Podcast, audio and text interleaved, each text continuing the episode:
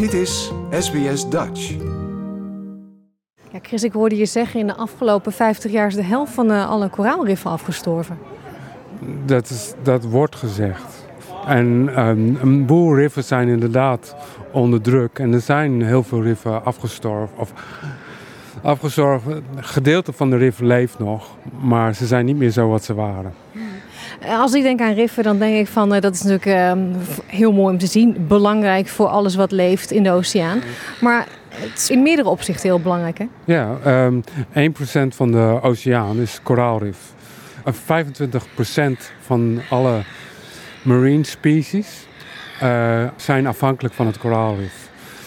En veel mensen zijn afhankelijk van het koraalrif, omdat ze leven van de dieren die er uh, zijn. Maar ook omdat het rif hun beschermt van grote golven, van tsunamis. Dus ja, het rif is heel belangrijk voor iedereen. Ja.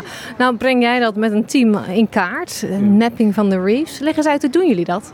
Um, wat we doen is dat als uh, iemand naar uh, Google Earth kijkt waar je huis is. En dan kijk je op de kaart en je herkent het. Maar je herkent het omdat je weet hoe jouw huis eruit ziet. Als je dan kijkt naar een huis wat in de buurt is, of in een andere stad, maar hetzelfde land, dan denk je, ah, ik weet wel ongeveer hoe het eruit ziet als je op het satellietbeeld kijkt. Maar als je dan ergens gaat waar je nog nooit gekeken hebt, dan wil je eigenlijk wat informatie op de grond hebben. Nou, datzelfde doen wij met het satellietbeelden. Wij gebruiken satellietbeelden om te kijken naar het rif. Maar om echt te weten wat er is, gaan we in het water. En we zeggen dan van oké, deze kleurencombinatie en deze locatie, uh, dat is altijd zeegras of dat is altijd koraal. Zoek nou alle pixels op die dezelfde kleurencombinatie hebben. En dan noemen we dat ook zeegras of koraal. Uh, daar gebruik je satellieten voor, hè? die ja. maken heel veel foto's. Maar jullie gaan ook zelf uh, al snorkelend met een fotocamera het rief over? Ja, gewoon een hele simpele, lekker GoPro-camera. Gewoon een simpele camera. Maak je foto's van de bodem. En als je dat op een bepaalde methodiek doet, dan uh, kunnen we die foto's gebruiken om te kijken hoe, om de kaarten te maken of te kijken hoe goed de kaarten zijn. In 2017 ben je gevraagd door de overheid hier in Australië om de Great Barrier Reef in kaart te brengen. Um, heb je sindsdien eigenlijk al dingen opgemerkt? Zijn er al dingen opgevallen? Dat het grote barrière rif heel groot is. en uh, de, er, er, was geen kaart van het rif dat besch beschrijft voor elk rif op zichzelf wat de compositie is. En het is een beetje als je. Maar wil je zeggen dat de overheid van Australië geen idee had? N uh, de, ze weten wel wat er is, maar ze konden niet nummers schrijven. Dus denk eraan van ze weten dat ze een ijskast hebben, maar ze weten niet hoeveel uh, tomaten in de ijskast zitten.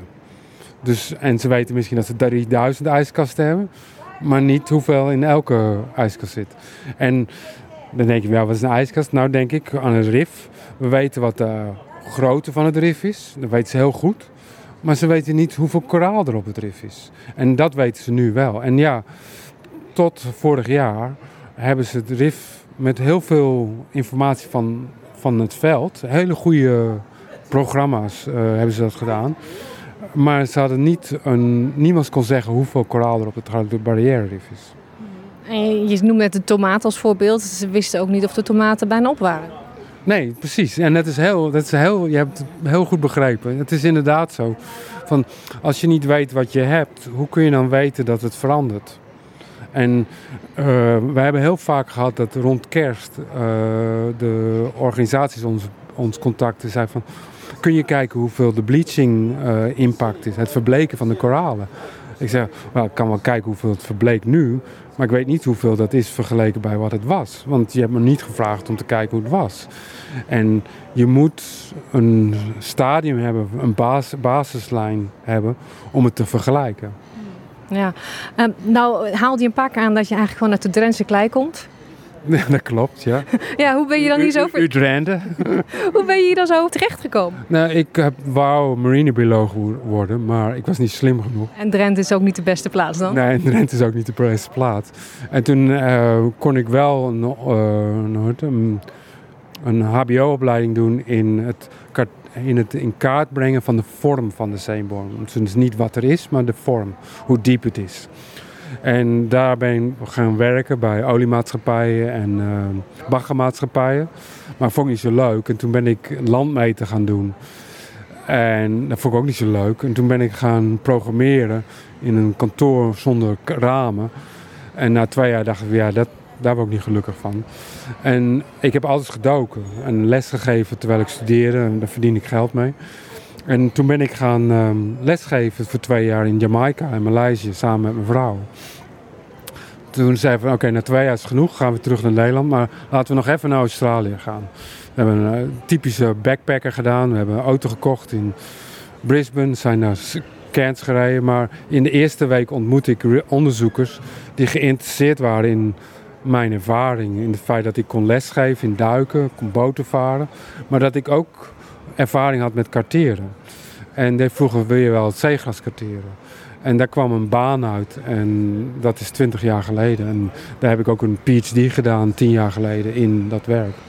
Ja, uh, ik vond dat er voor het eerst na zo'n zo'n pandemie best veel mensen waren hier vanavond. Doe je dit soort gesprekken vaker? Uh, dit was een van de eerste keren na de, na de COVID-pandemie. Oh, en het, het, is eigenlijk nog steeds daar. Dus uh, voor mij was het ook heel belangrijk om face-to-face -face, te gaan.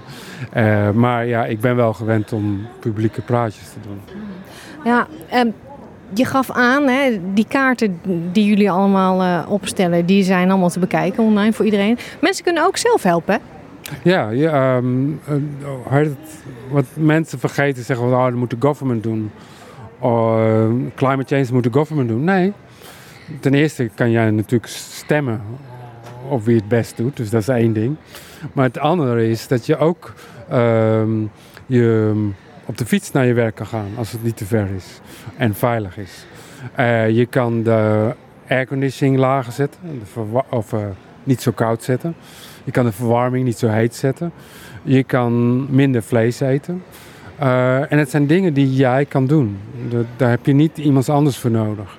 En al die dingen samen zullen helpen het klimaat minder snel te veranderen.